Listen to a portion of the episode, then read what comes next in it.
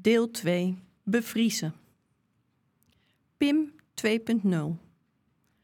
Voordat het zover is, hebben we eerst college gehad van een aardige professor hematoloog. Het college is in de week dat Pim met onverklaarbare koorts in het ziekenhuis ligt. Omdat Pim in isolatie ligt, komt de professor naar Pim toe in plaats van andersom. De professor hijst zich in een schort, doet een mondkapje voor en gaat naast Pims bed zitten. Zijn voorlichting over de stamceltransplantatie is uitgebreid en hij tekent vellen vol om zijn verhaal te illustreren. Pim luistert en kijkt toe. Hij kan de komst van de professor wel waarderen, maar het verhaal gaat deels langs hem heen. Hij is te moe en te ziek. Na afloop bieden de tekeningen weinig houvast. Het zijn vellen met onbegrijpelijke pennenstreken. We kunnen het niet navertellen, maar de hoofdboodschap van het college is wel duidelijk. Stamceltransplantatie is niet zomaar iets. Het is een veelbelovende techniek, maar ook complex en experimenteel en daarom zeker niet zonder risico. Dat bevestigt ook de specialistisch verpleegkundige met wie we een paar weken later kennis maken en die een baken wordt tijdens Pim's verdere behandeling. Hij werkt bij de polykliniek hematologie en zal Pim begeleiden na de stamceltransplantatie. Indringend vraagt hij aan het eind van het gesprek aan Pim of hij zich ervan bewust is dat het ook fout kan aflopen. Pim antwoordt korzelig: Ik ga uit van de goede afloop. De verpleegkundige blijft neutraal. Zijn er misschien dingen die je van tevoren moet regelen? Pim kijkt eerst hem en daarna mij stom verbaasd aan. Regelen? Ik antwoord in zijn plaats. Ik denk niet dat er dan veel te regelen valt. Begin oktober wordt Pim in het ziekenhuis opgenomen. De opname gaat zeker drie weken, maar waarschijnlijk langer duren. Voordat de stamceltransplantatie plaatsvindt, moet Pim een ultieme aanval op zijn gestel doorstaan. Het is een combinatie van totale lichaamsbestraling, chemotherapie, immunotherapie en medicijnen. Het is bedoeld om Pim's cellen zoveel mogelijk af te breken, zodat de stamcellen van de donor zich van nul af aan kunnen opbouwen. Hiermee wordt ook het risico op graft versus host beperkt. Deze gevreesde afweerreactie van het lichaam ontstaat als de cellen van de donor met de achtergebleven cellen van PIM botsen. Er moeten dus zo min mogelijk cellen van PIM 1.0 over zijn. PIM's bloedwaarden zullen een aantal weken rond de nul blijven. Het gaat mijn begrip en voorstellingsvermogen te boven. Leeg bloed. Voor Pim is er geen andere keuze dan dit te ondergaan. Hij heeft zich erop ingesteld, hij is er klaar voor. Zijn lot ligt nu in handen van de medische staf. Ik neem al mijn opgespaarde vrije dagen op om elke dag bij hem te zijn en iedere handeling te kunnen volgen. Ik ben trots op mijn stoere, sterke zoon, die zich schrap zet voor de heftigste aanval op zijn gestel tot nu toe. Op de eerste dag van de ziekenhuisopname is er verwarring. Er is geen kamer voor Pim beschikbaar en hij wordt in een zijkamertje gelegd. Dat zal wel een tegenvaller voor jullie zijn, hè? Dat het misschien niet doorgaat, flapt een verpleegkundige eruit. We weten van niets. Er blijkt slecht nieuws te zijn. De kwaadaardige cellen in Pims ruggenmerg zijn weer toegenomen. Het team van hematologen is met elkaar in beraad of het verstandig is de stamceltransplantatie te laten doorgaan. Aan het eind van de dag, na een lange middag van onzekerheid en wachten, komt er toch groen licht. De combinatie van lichaamsbestraling en chemo's zou voldoende moeten zijn om ook het ruggenmerg schoon te krijgen. Er wordt een kamer voor Pim in gereedheid gebracht. De week voor de stamceltransplantatie is heftig. Pim krijgt een diep infuus ingebracht in zijn hals, waarmee de medicijnen direct in de slagader bij het hart terechtkomen. De chemo's zijn gemeen. De lichaamsbestraling is intens. Het apparaat waaronder Pim ligt voor de lichaamsbestraling heeft de afmeting van een bescheiden ruimtecapsule. Pim moet zo stil mogelijk liggen en alleen zijn longen en hoofd worden beschermd met lodenlappen en een masker. Na de lichaamsbestraling daalt Pims bloeddruk, de bovendruk, s'avonds plotseling tot onder de 30. Er is paniek op de afdeling en het blijft de hele nacht hectisch op de kamer. De dienstdoende internist rent de hele nacht heen en weer van de eerste hulp naar de afdeling hematologie. Via het infuus worden er liters vocht in Pims bloed gepompt om de druk te verhogen. Het heeft geen effect op de bloeddruk, wel op Pims lichaam dat langzaam opzwelt. Ik blijf de hele zenuwslopende nacht bij hem en sla alarm als het lijkt alsof zijn hoofd op knappen staat. Pim blijft er rustig onder en bekijkt het resultaat van de liters vocht in de spiegel. Ik lijk wel een pad. In de vroege ochtend stijgt de bloeddruk opeens vanzelf weer tot 50 en later 60. We vallen even in slaap, tot een verpleegkundige ons wakker maakt en mij bits meedeelt dat mijn opklapbed voor 9 uur moet zijn opgeruimd. Na een week is Pim klaar om de stamcellen van de donor te ontvangen. Opnieuw is er verwarring. De date of rebirth wordt niet 18, maar uiteindelijk 19 oktober 2018. De stamcellen komen pas s avonds laat aan en dan is er onvoldoende personeel om de transplantatie te begeleiden. We fantaseren dat de stamcellen van een oermens uit Australië afkomstig zijn en een lange vliegreis achter de rug hebben. De houdbaarheid, 72 uur, blijkt inderdaad bijna verlopen als de zak met stamcellen op 19 oktober op Pim's kamer wordt afgeleverd. Het is een plastic zak met plasma waar verder weinig aan te zien is. Maar het is een groots moment als de zak met stamcellen aan de infuuspaal wordt opgehangen en op Pim's infuus wordt aangesloten. De dienstdoende verpleegkundige blijft bij Pim's bed zitten terwijl het infuus naar binnen druppelt. Pim valt tijdens de plechtigheid in slaap. De hematologe van de polykliniek loopt naar binnen en we praten zachtjes om Pim niet wakker te maken, terwijl de transitie plaatsvindt van PIM 1.0 naar PIM 2.0. Ronan. Net voordat Pim wordt opgenomen voor zijn stamceltransplantatie, ontvangen we het bericht van Ronans overlijden. De begrafenis is later, als Pim al in het ziekenhuis ligt. Pim vindt het verschrikkelijk dat hij niet bij Ronans afscheid kan zijn. Geert-Jan en Sam gaan samen en ik blijf bij Pim. Ik koop een kaart voor Ronans ouders en broers en Pim dicteert wat ik erop moet zetten. Ik denk heel veel aan hem en aan jullie. We praten samen over Ronan. Pim noemt Ronan een soldaat die voorop is gegaan in de strijd. Het is een beeld dat me steeds bijblijft. Ronan marcherend in de voorste linies en Pim in een van de linies daarachter. Pim kan niet meer huilen. Door de lichaamsbestraling zijn zijn traan- en speekselklieren kapot. Maar ik heb al gehuild om Ronan, zegt hij. Hij wist al dat Ronan het niet ging halen. Het was een kwestie van tijd. Alles was geprobeerd om de melanomen in Ronans ruggenmerg te bedwingen. Operaties, bestraling, immunotherapie en als laatste strohalm chemotherapie.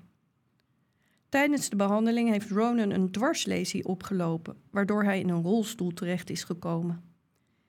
In een late fase krijgt hij nog het bericht dat hij als uitbehandeld patiënt in aanmerking zou kunnen komen voor een alternatief kankermedicijn, maar dat heeft hij niet meer gered. Uiteindelijk heeft de chemo hem misschien wel de nekslag gegeven. Pim en Ronan kennen elkaar aanvankelijk vaag als broertjes van.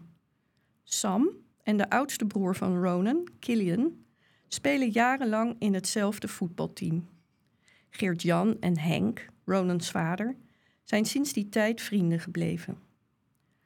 Ronan is een paar maanden eerder gediagnosticeerd dan Pim en wordt ook behandeld in het LUMC. bij de afdeling oncologie en op het pijnbehandelcentrum als hij niet meer kan slapen van de pijn. In juni 2018 ontmoeten Pim en Ronan elkaar in het ziekenhuis en daarna houden ze contact. In de zomer zoekt Pim Ronan een paar keer thuis op. Er ontstaat een band tussen de twee jongens, lotgenoten, soldaten, vechtend tegen een onzichtbare vijand in een oneerlijke strijd. Ronan is belangrijk voor Pim. Er is niemand die weet hoe ik me voel, zegt Pim, behalve Ronan. De ouders van Ronan organiseren in september een weekend naar Liverpool met het hele gezin. Ronan maakt er een wedstrijd mee van zijn geliefde voetbalclub. Een dag na de wedstrijd stort Ronan in en komt hij ter plekke in het ziekenhuis terecht, waar hij een week later overlijdt. Het is verschrikkelijk om op afstand het verdriet mee te maken van deze lieve familie. Het is te invoelbaar voor ons en het voedt onze angst. Ze zijn er kapot van, zegt Pim aangedaan. Zo kapot zouden wij ook zijn, antwoord ik hem. Hij staart over zijn laptop heen, draait zich half naar mij om en kijkt me voor het eerst in dagen vol aan, om kracht bij te zetten bij zijn woorden. Ik weet dat jullie veel van me houden, zegt Pim, maar ik ga niet zoals Ronan alles voor jullie proberen. Het is mijn leven. En als ik aangeef dat het genoeg is, dan wil ik dat jullie mij steunen.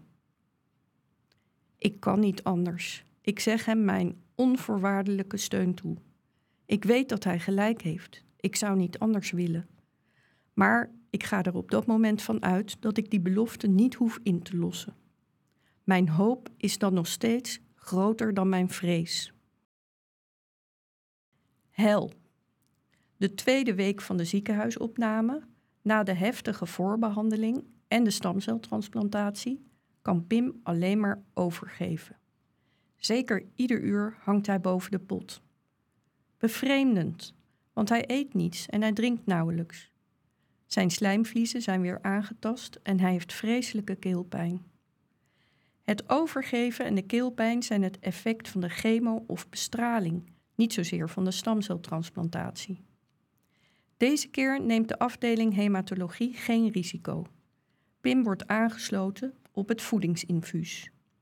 Hij voelt zich beroerd. Hij besluit zich er doorheen te slapen. Hij sluit zich af en wordt steeds ontoegankelijker.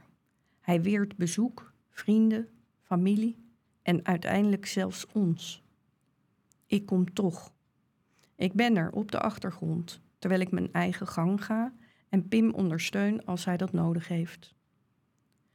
De stamceltransplantatie en de aanloop daar naartoe zijn niet te vergelijken met de eerdere chemokuren. Duurde het de eerste keer zes weken voordat hij kaal werd, nu is het in twee weken gebeurd. Ik scheer Pims laatste haar af met de tondeuze en mijn zoon buigt, verslagen, het hoofd. En niet alleen zijn hoofdhaar, maar ook zijn lichaamshaar verdwijnt. Zelfs van zijn wenkbrauwen en wimpers is er bijna niets meer over. Hij houdt weer vocht vast door de medicijnen. Zijn hoofd is rond en kaal en Pim vermijdt het wekenlang om in de spiegel te kijken. We wachten op de verschijnselen van de graft versus host, de afweerreactie van Pims eigen cellen op de aanval van de donorcellen, of was het andersom? Acute verschijnselen zijn heftige diarree, huidklachten en geelzucht. Later kunnen ook chronische klachten ontstaan, waaronder beschadiging van organen. Een beetje graft versus host krijgen is goed. Daaraan zien de artsen dat de stamceltransplantatie aanslaat. Statistisch is bewezen dat patiënten die een graft versus host reactie vertonen, vaker genezen. Maar een te heftige vorm van graft versus host reactie kan dodelijk zijn. Pim blijft ook de tweede week misselijk en krijgt inderdaad graft versus host verschijnselen.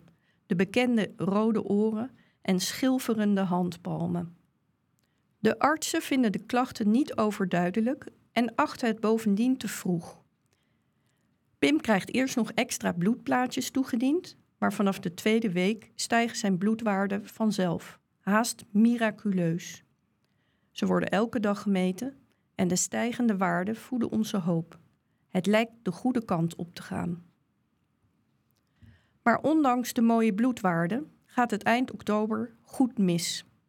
Pim is zwaar misselijk, heeft aanhoudend pijn in zijn keel, heeft geen stem meer en krijgt koorts. Ik zit doodstil naast hem en tel hoe vaak hij ademhaalt in zijn slaap. Hij begint geel te zien. Er wordt een longfoto gemaakt, een echo van de lever, hartfilmpjes. Pim ontwikkelt vrij plotseling een heftige pijn hoog op de borst.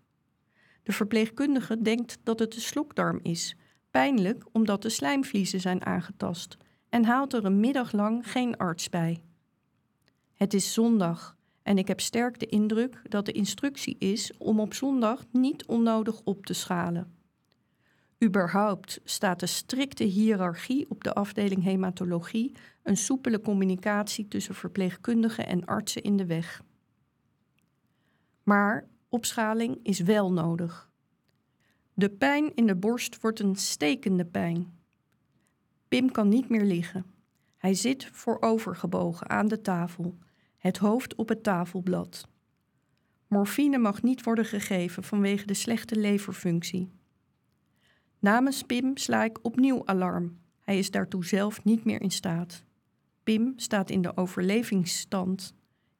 Ik word zijn woordvoerder, zijn begeleider, zijn verzorger en zijn bewaker. Ik probeer zijn blik te vangen en lees aan zijn houding af wat hij nodig heeft. Ik probeer hem te bereiken, praat hem moed in, aai zijn hoofd en zijn rug en probeer rustig te blijven. Op de CT-scan blijkt dat het diepe infuus, dat reikt tot de hartkamers, te ver is ingebracht.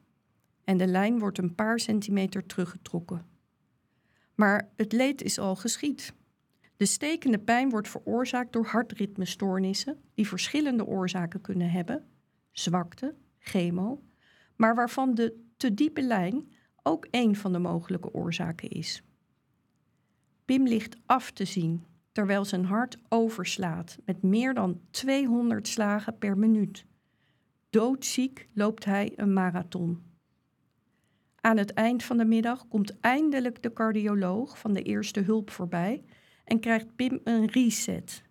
Heel even wordt het hart stilgezet om daarna weer normaal te gaan pompen. Later op de avond is nog een reset nodig. De cardiologe die dan dienst heeft, pakt Pim bij zijn schouder en spreekt hem geruststellend toe. De tranen schieten me in de ogen en pas later besef ik waarom. Om het natuurlijke fysieke gebaar waarmee de arts Pim in deze vreselijke periode zo menselijk bejegent. Ik waak de hele nacht bij Pim. Hij krijgt medicijnen die verdere stoornissen moeten onderdrukken, maar het duurt lang voordat die zijn ingeregeld. Pim is weinig rust gegund. Er moet iets gebeuren aan de leverontsteking. Zijn nieren en lever hebben het zwaar te verduren met het afbreken van de chemo, de medicijnen en de voeding via het infuus.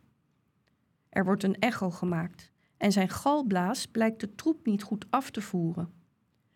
Dat moet worden opgelost met een spoedoperatie. Op zich is het een routineklus, maar Pim is uiterst kwetsbaar. De anesthesist zoekt naar de balans, want anesthesie alleen al kan gevaar opleveren.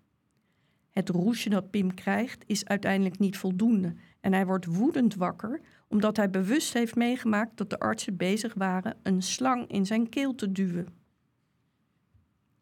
Begin november lijkt de tijd te keren. De bloedwaarden zijn oké, de leverfunctie ook. Het risico op een alvleesklierontsteking, ten gevolge van de galblaasoperatie, is onder controle. De morfine wordt afgebouwd en Pim begint zelf weer met eten en drinken, zodat het voedingsinfuus kan worden verwijderd. Pim wil naar huis. Hij vindt het ziekenhuis de hel en behandelingen martelingen. Maar de situatie is en blijft precair.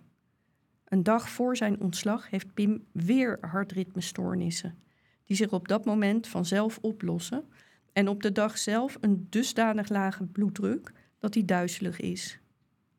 We zijn bezorgd en onzeker.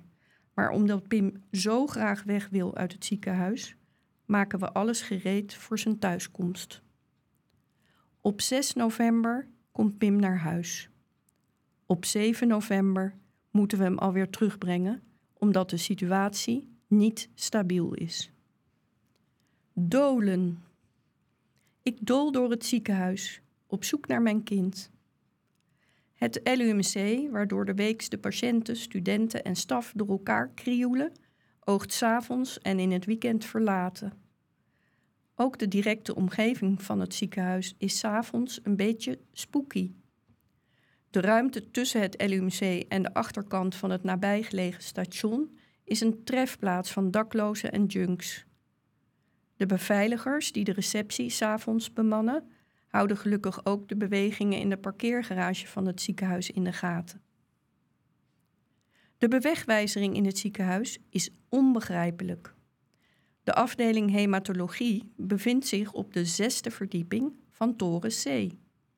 Een simpele ziel zou iets met C6 een vanzelfsprekende aanduiding vinden, maar het routenummer is 201.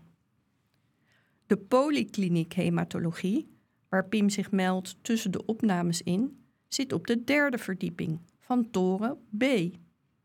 Het routenummer daarvan is 35. Het is zo onlogisch dat we het iedere keer opnieuw vergeten. Het is ongelooflijk, maar Pim is pas s'avonds aan zijn galblaas geopereerd omdat er overdag geen anesthesist beschikbaar was. De specialist, die smiddags verplicht zat duimen te draaien, is zich bij Pim op de kamer komen verontschuldigen. Hij heeft mij gevraagd om alsjeblieft een klacht in te dienen. Er is structureel tekort aan anesthesisten en iedere casus komt wat hem betreft op het bord van het bestuur. Ik hoop maar dat de specialist nog fris aan de operatietafel staat. Het is een eenvoudige operatie, heeft hij mij bezworen, en hij is er heel bedreven in. Pim's galblaas voert de gal niet meer goed af en daarmee raakt de lever overbelast. Er hoeft alleen een stent te worden geplaatst en dat gebeurt via een buis die door de keel en maag naar de twaalfvingerige darm wordt gebracht. Maar als het dan zo'n eenvoudige operatie is, waarom is Pim dan nog niet terug? Hij is om half acht opgehaald. Is er een spoedoperatie tussendoor gekomen en ligt Pim ergens naar het plafond te staren? Zijn er problemen geweest met de anesthesie, wat heel nauw luistert bij een kwetsbare patiënt als Pim? Ik wacht op Pim's kamer op de afdeling hematologie en het wordt tien uur, elf uur en tenslotte middernacht. De twee verpleegkundigen die nachtdienst draaien op hematologie hebben geen bericht ontvangen en kunnen op dit uur niemand meer bereiken. Ik sta stijf van de stress. Ik wil weten waar Pim is en verlaat de inmiddels gesloten afdeling hematologie op zoek naar de operatie en de verkoeverkamer. Ik hoor alleen mijn eigen voetstappen als ik over de betonnen trappen en door gangen loop. De lichten zijn gedimd en ik loop als een geest door het grote, holle gebouw. Ik denk dat ik weet waar ik moet zijn. En het klopt. Maar mijn tocht eindigt bij twee gesloten klapdeuren waarvoor een pasje nodig is. De deuren hebben een rond raampje. Door het raampje zie ik een scherm met een plattegrond. Het is de plattegrond van de bedden in de verkoeverkamer en er staan namen bij. Ik maak een foto met mijn telefoon die ik kan inzoomen. Godzijdank, bij één bed staat Mellink. Alarmbellen. Het is een grote deceptie om op 7 november weer terug te keren naar het ziekenhuis. Maar het moet. Geert-Jan belt me in paniek. Pims hart slaat voortdurend weer op hol. Hij laat Pim in de auto en scheurt naar het LUMC. Daar moet Pim voor de zoveelste keer inchecken via de spoedeisende hulp. De uren durende standaardroutine waarvan niet kan worden afgeweken, ook niet als het patiëntendossier bekend is en je de dag ervoor nog in het ziekenhuis was. Ik breng Eva voor de zoveelste keer naar mijn broer en schoonzus, die altijd voor ons klaarstaan. Mijn broer staat erop mij naar het LUMC te brengen. We treffen Pim op de spoedeisende hulp in een kamertje apart met een stuk of zes artsen en verpleegkundigen om zijn bed heen. Aan de blik in zijn grote, mooie, wimperloze ogen, in zijn lieve, kale, ronde hoofd, zie ik dat het weer goed mis is. Pim krijgt per infuus een shot van een medicijn toegediend dat de hartritmestoornissen moet onderdrukken, maar waardoor ook zijn bloeddruk daalt.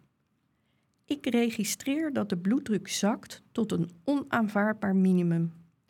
De panische nacht met de lage bloeddruk na de totale lichaamsbestraling een paar weken geleden staat mij nog te zeer bij. Een plurk van een cardioloog, die vooral bezig is met in zijn telefoon te glimlachen, denkt nu dat er nog wel een shotje bij kan. Ik bemoei me eigenlijk voor het eerst met medische zaken. Dat kan toch niet, zeg ik. Als hij nog meer krijgt, zakt hij weg.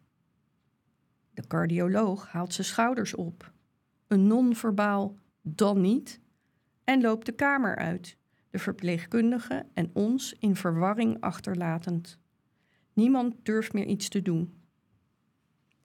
Pim wordt overgebracht naar de afdeling medium care en aan een monitor gelegd.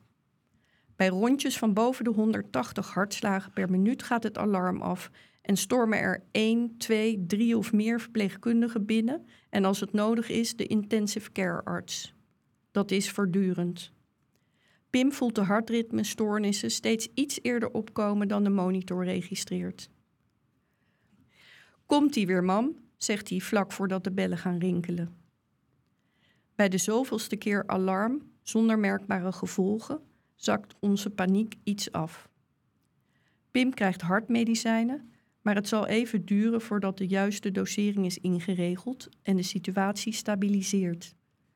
Op den duur zullen de stoornissen moeten worden verholpen met een ablatie, maar daarvoor is Pim voorlopig nog te zwak. Ik blijf bij Pim, twee dagen en nachten achter elkaar. Er wordt een bed in de hoek gezet waar ik s'nachts op lig en overdag op zit. Ik mag douchen op de gang en ik krijg thee, koffie en zelfs boterhammen. Voor Pim zelf zijn er nauwelijks voorzieningen. De kamers bij medium en intensive care zijn ingericht op monitoring van overwegend comateuze patiënten. De kamer is groot. Centraal staat het bed waarin Pim ligt, omringd door een indrukwekkende hoeveelheid monitors en apparaten en kasten vol benodigdheden en voldoende ruimte eromheen voor wel tien man personeel. Er is geen wc of douche op de kamer. De arme Pim wordt in een poosstoel gehezen als dat nodig is en af en toe rechtop gezet, omdat het voor zijn longen niet goed is zo lang achter elkaar te liggen. Rechtop komen kost hem al zoveel inspanning dat de alarmbellen meteen gaan rinkelen. Veel verder dan vlak naast zijn bed kan hij niet komen, omdat hij op alle mogelijke manieren aan de omliggende apparaten is gekoppeld. Bozig beschouwt hij de situatie. Eerst zat ik gevangen in een huis, toen zat ik gevangen in een kamer en nu ben ik gevangen in een bed. Tijdens zijn verblijf op medium care krijgt Pim koorts, een rode huid, rode ogen en verschrikkelijk veel last van jeuk. Het begint met jeukende en schilferende handpalmen, dan volgen zijn voeten en benen tot zijn hele lichaam rood is en jeukt. Pim beschrijft het als jeuk onder zijn huid. Het is tergend. Pim voert de hele dag strijd om zich niet stuk te krabben. Hij noemt de jeuk erger dan de pijn. De jeuk zou een teken van graft versus host kunnen zijn, maar dat kunnen de artsen en verpleegkundigen bij de afdeling medium care niet beoordelen. Prednisonzalf zou kunnen helpen, maar dat krijgt Pim alleen op voorschrift van een van de hematologen. Dus vragen we of een van de hematologen kan langslopen om de situatie te beoordelen.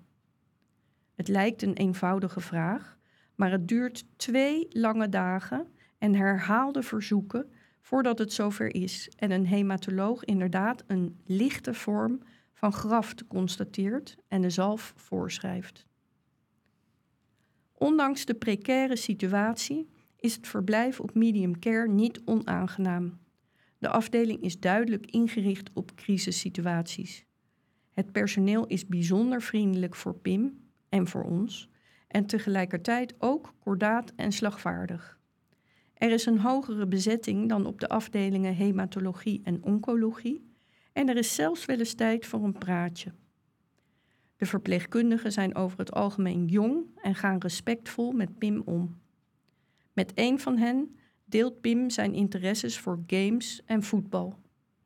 De betreffende verpleegkundige zal Pim later op de afdeling hematologie zelfs, na werktijd, nog eens komen opzoeken. Na een kleine week mag Pim van de hartbewaking af en wordt hij overgeplaatst naar de afdeling hematologie. Hij heeft er bepaald geen zin in en het lijkt ook net te vroeg. De situatie is nog niet helemaal stabiel. Er volgt nog een reeks hartritmestoornissen. Zijn bloeddruk is te laag en er wordt jacht gemaakt op de veroorzaker van de koorts, die maar niet weg wil gaan. Pim krijgt een PET-scan om eventuele infecties op te sporen en er wordt een longfoto gemaakt. Pim eet niet of slecht, heeft het koud, is misselijk, geeft over en heeft diarree. En het ergste is de gekmakende jeuk die er steeds is, op de voorgrond of de achtergrond, en die hem niet laat slapen. Op 21 november vindt ook de afdeling hematologie het welletjes geweest en wordt Pim voor de tweede keer ontslagen. Hij is bij lange na niet hersteld, maar het herstel gaat nog maanden duren en de medici beschouwen de situatie niet meer als urgent.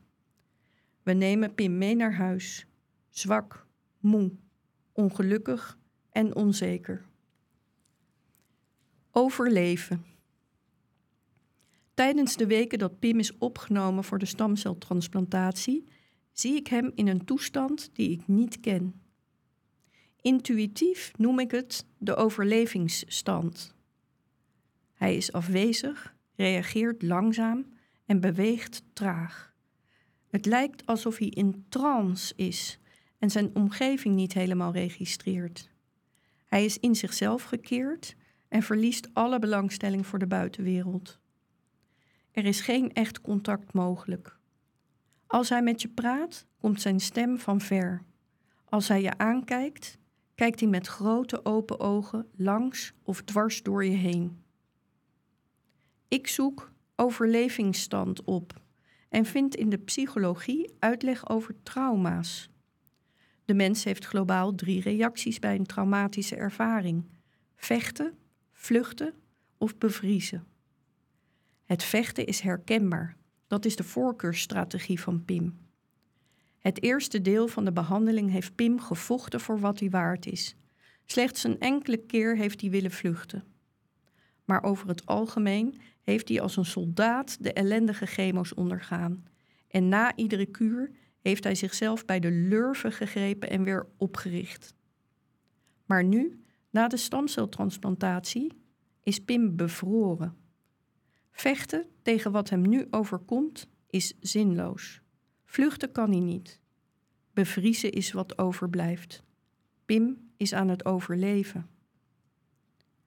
Overleven heeft de associatie met een onbewoond eiland met vuur maken, wildschieten en kokosnoten rapen, tot een schip opdoemt om je mee te nemen naar de bewoonde wereld. Maar het overleven van Pim is een stuk minder romantisch. Overleven is bij Pim alles zoveel mogelijk over je heen laten komen, zo min mogelijk vragen stellen en bij voorkeur helemaal niet praten. Overleven is de dag stuk slaan en de nacht doorkomen. Overleven is voor je uitstaren in het niets en op de beste momenten soms een beetje gamen of muziek luisteren. Overleven is zo min mogelijk energie verliezen, zo min mogelijk doen, zoveel mogelijk slapen. Overleven is jezelf terugtrekken, afsluiten en op slot gaan. De overlevingsstand is een reactie op de enorme onzekerheid die het wachten met zich meebrengt. Pim wacht op zijn ziekenhuiseiland zonder dat hij weet of er ooit een schip opdoemt om hem weer mee naar de bewoonde wereld te nemen. Pim staat in de overlevingsstand en ik beland in de wachtstand. Elke dag kom ik binnen in afwachting van wat komen gaat. Ik wacht met Pim op artsen en verpleegkundigen, op de uitslagen van bloedwaarden, op het alarm van de infuuspalen, op het gerinkel van de eet- en drinkkar in de gang. Ik wacht op een teken van Pim, tot hij iets tegen me zegt of iets aan me vraagt, en ben blij om hem ergens mee te kunnen helpen. Ik wacht bij Pim tot het donker wordt en ik weer naar huis ga. Het wachten maakt me rusteloos. Ik doe alsof ik werk en staar naar mijn laptop zonder iets te lezen.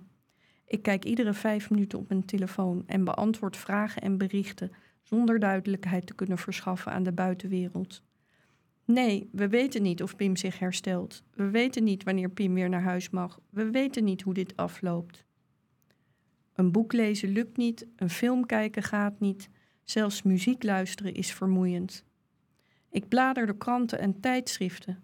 Op mijn iPad speel ik eindeloos geestdodende spelletjes en in de huiskamer van de afdeling leg ik samen met andere familieleden van patiënten stukjes van een grote puzzel. Ik wacht en ik hoop elke dag dat het beter gaat dan de dag ervoor. Ik wacht tot mijn zoon zijn kracht en energie terugvindt en weer gezond wordt. Ik wacht tot Pim ontdooit uit zijn bevroren toestand. Ik wacht op een wonder. Slapen. Van mijn drie kinderen kan Pim het beste slapen.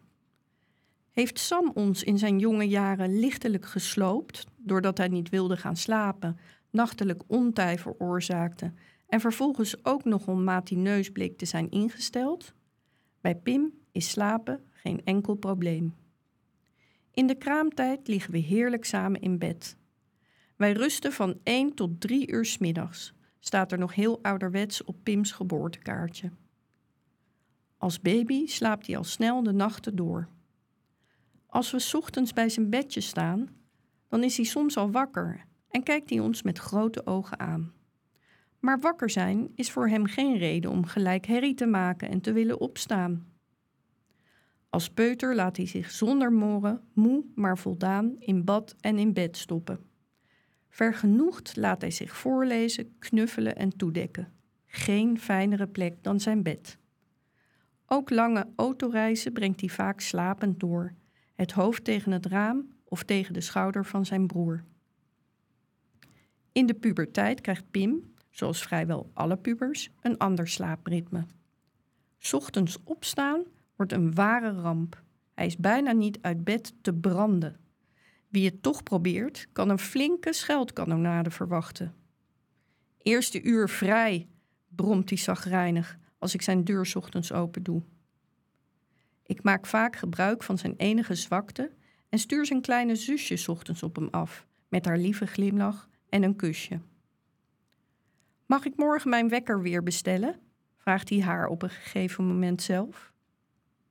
In zijn tussenjaar moet hij wel eens heel vroeg beginnen bij de Albert Heijn, waar hij zo weinig naar zijn zin heeft dat hij zeker weet het jaar daarop te gaan studeren. Met een uiterste krachtsinspanning staat hij op. Het gemiste blok slaap stelt hij uit en haalt hij onmiddellijk in als hij van werk thuiskomt. Pim heeft een bijzonder slaaptalent en kan op ieder moment van de dag en op iedere mogelijke plek in slaap vallen. Als Pim ziek wordt, geeft hij zich ook over aan de slaap. Het is een natuurlijke reactie, want slapen bevordert het herstel. Maar het is ook een vlucht. Ieder uur dat hij slaapt, hoeft hij niet aan zijn ziekte te denken. Hij slaapt zo lang mogelijk uit en is zaggerijnig als er ziekenhuisafspraken staan gepland in de ochtend. We proberen het zoveel mogelijk te vermijden en ook de polykliniek hematologie werkt eraan mee. hey, als je straks binnenkomt, misschien slaap ik, dus pissie zachtjes, ebt Pimme vanuit het ziekenhuis. Of een ander verzoek als de eerdere tactiek niet goed blijkt te werken. Als jullie een tijdje hier blijven, kan ik slapen. Dan word ik niet wakker doordat jullie binnenkomen. Tijdens de ziekenhuisopnames is slapen echt een probleem. In de nachten die ik bij Pim verblijf, ondervind ik dat aan den lijve. Het is verbazingwekkend. Het ziekenhuisleven volgt niet het ritme van de patiënten, maar van de artsen en verpleegkundigen. De ochtendshift begint om 7 uur en dus staat er om tien over zeven iemand in je arm te prikken. Als je voor 8 uur geen sjoegen geeft, is de ontbijtkar al voorbij gerammeld. Ik snap heel goed dat de inname van medicijnen aan een schema is gebonden. Maar het schema kan natuurlijk ook prima om 9 uur beginnen. Ik snap dat de bezetting overdag groter is en dat arbeidsintensieve handelingen dus beter overdag kunnen worden uitgevoerd dan s'avonds. Maar de dagshift duurt tot drie uur en de meeste handelingen, zoals het inlopen van een medicijn via het infuus, duren niet langer dan een half uur. Wat de medische staf in het ziekenhuis zich onvoldoende lijkt te realiseren, is hoe funest het slaapgebrek is voor patiënten. Pim heeft gebroken nachten door de voortdurende controles en de alarmbellen van het infuus. Elke volgende dag is hij vermoeider. Hij probeert dat te compenseren met tutjes overdag, maar ook die zijn hem niet gegeven. Bij rusten van 1 tot 3 uur is er niet bij in het LUMC. Onbegrijpelijk is bijvoorbeeld dat de dames van het eten en drinken iedere dag weer op minstens zes momenten op de deur kloppen. Ook als Pim zondevoeding krijgt of op het voedingsinfuus is aangesloten en dus helemaal niets eet. Het is een instructie van hoger hand en ze mogen niet zelf beslissen om Pims kamer over te slaan. Pim wordt er helemaal gek van. Soms kan ik, als Pim slaapt en ik waak, verdere handelingen de kop indrukken door personeel aan de deur met een wijsvinger op mijn mond te verzoeken stil te zijn of met een handgebaar te vragen om te keren. Ongetwijfeld levert ons dat een slechte reputatie op. So be it. Slechts één of twee keer lukt het ons in overleg met het personeel om een bord niet storen op de deur te plakken. Na de eerstvolgende wisseling van de wacht gaat het bord er even snel weer af. Op enig moment vraagt Pim tijdens een opname in het LUMC aan de zaalarts een slaappil voor de nacht. Ik weet niet meer precies wanneer deze gewoonte erin is geslopen. Het helpt hem om dieper te slapen en niet van elk geluid in het ziekenhuis wakker te worden. Gelet op zijn talent voor slapen zijn pillen eigenlijk niet nodig. Maar hij krijgt de slaappil zonder verdere vragen. Patiënten de rust gunnen om te slapen is in het ziekenhuis niet mogelijk, maar een medicijn verschaffen past wel prima in het systeem. Helaas raakt Piem, in ieder geval mentaal, verslaafd aan de slaappillen. Hij wil er niet mee stoppen en krijgt ook na thuiskomst recept op recept. Pim zal de slaappillen gebruiken tot zijn laatste dag. Een van zijn grootste talenten, in slaap vallen waar en wanneer hij maar wil, is hij ergens onderweg kwijtgeraakt. Lotgenoten. Achter iedere gesloten deur in de gang van de afdeling ligt een doodzieke patiënt. Sommigen, die aan het begin van hun kuur staan, begeven zich nog naar de huiskamer. Anderen, die aan het eind van hun kuur zijn, schuifelen samen met de fysiotherapeut of een verpleegkundige door de gangen. Kaal, zwak, met een mondkapje voor, zich vastklampend aan hun infuuspaal. De meeste patiënten zijn te kwetsbaar om de buitenwereld te betreden. We leren een aantal patiënten kennen. Twee keer deelt Pim een kamer voor een korte chemokuur. Zijn kamergenoten zou hij in het dagelijks leven niet snel zijn tegengekomen. Maar de ziekte schept een band. Ze tolereren elkaar wonderwel. Ach, laat dat joch toch lekker gamen. Als ze elkaar zien bij de polykliniek of de spoedeisende hulp, is er altijd een belangstellend praatje. Als ze elkaar een tijdje niet zien, popt de vraag op hoe het toch met hen zou gaan. In de huiskamer komen familieleden van patiënten elkaar tegen. Ik ben er zo min mogelijk. De praatjes met andere familieleden slaan me alleen maar verder uit het lood. Het oudere echtpaar, van wie de zoon voor de derde keer een stamceltransplantatie krijgt en die op het randje balanceert. Ik durf het Pim niet te vertellen. De familie die in rep en roer is omdat hun moeder ziek is geworden. Het is kantje boord of zij in aanmerking komt voor stamceltransplantatie, want de leeftijdsgrens is 70 jaar bij een goede conditie. Ik kan alleen maar bedenken wat een geluk het zou zijn als Pim 70 jaar mocht worden. In de huiskamer haal ik mijn koffie en soms zit ik er even te wachten als Pim slaapt, op de wc zit of een ruggenprik krijgt. De enige medische handeling waar ik echt niet bij kan zijn zonder zelf onderuit te gaan. Kom maar weer, appt hij me en snel verlaat ik de huiskamer weer. Op een dag ontmoet ik een aardige vrouw die met rode ogen bij het koffieapparaat staat. Birgit is de vrouw van Edwin en samen hebben ze twee zoontjes. Edwin heeft een ander ziektebeeld, maar wordt net als Pim behandeld met chemo en een stamceltransplantatie. In de behandeling loopt hij een aantal maanden op Pim voor. Een groot deel van de klachten die Pim heeft, heeft Edwin ook gehad. We zien elkaar af en toe en appen veel. Heeft Edwin al een stamceldonor? Bij Pim was zijn broer ook geen match. Hoe gaat de tweede kuur? Gaan de bloedwaarden al omhoog? Wanneer mag hij naar huis? Edwin heeft bloedvergiftiging. Pim heeft onverklaarbare koorts. Hé, hey, ik zie dat Pim weer in het ziekenhuis ligt. Wanneer ben jij er?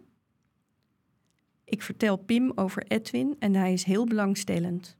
Via mij en Birgit stelt hij vragen en we krijgen tips. Vergeet de stamcelzak niet te checken, appt Birgit. Je mag niets weten over de stamceldonor, maar op de zak staat het geboortejaar. Ja, heb ik terug. 1996, uit hetzelfde jaar als Pim. Na de stamceltransplantatie intensiveert ons app-contact. Had Ed ook jeuk, koorts, kou, virussen, schilfers, schimmels, keelpijn, diarree, kortademigheid, gebrek aan eetlust? Hoe zag bij Edwin de graft aan de huid eruit? Het onderlinge contact sterkt mij in de communicatie met de heren en dames medici. Na de lichaamsbestraling, in de week voor de stamceltransplantatie, daalt Pims bloeddruk tot onder de 30 en volgt een panische nacht. Bij hematologie hebben ze nog nooit zoiets gezien, bezweren ze mij. Birgit meldt mij dat Edwin een paar maanden geleden precies hetzelfde had, ook de dag na de lichaamsbestraling. Ook toen was er paniek op de afdeling en ook toen hadden ze nog nooit zoiets meegemaakt.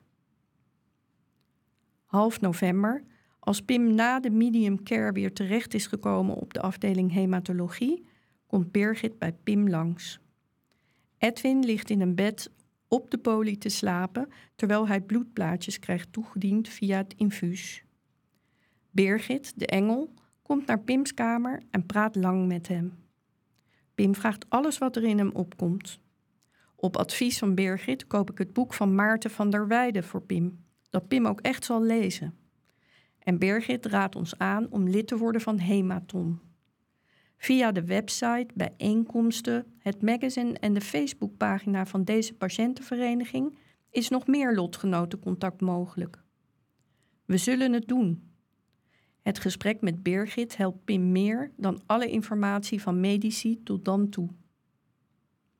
Een paar dagen later mag Pim naar huis, maar is Ed net weer opgenomen. Pim wil graag even gedag zeggen. Edwin zit op bed, mager en breekbaar. Hij kijkt naar Birgit als we hem iets vragen en Birgit antwoordt in zijn plaats. Ed staat in de overlevingsstand. Half december zien Pim en Edwin elkaar nog een keer bij de polykliniek. Pim schrikt van Eds conditie. Birgit vertelt Pim niet het hele verhaal, maar appt mij later. Wilde het vanmiddag een beetje afzwakken voor Pim. Vindt het zo rot om het te vertellen tegen hem. Edwin krijgt sinds de stamceltransplantatie alsmaar zelf geen bloedplaatjes aangemaakt. Er is dagelijks een zak plasma nodig om hem in leven te houden. Er is grote onzekerheid over de oorzaak. Hij heeft nieuwe stamcellen van zijn donor nodig, maar die kunnen pas worden gegeven als de virussen in zijn bloed zijn onderdrukt. Edwin wordt dezelfde dag nog opgenomen en zal niet meer thuiskomen.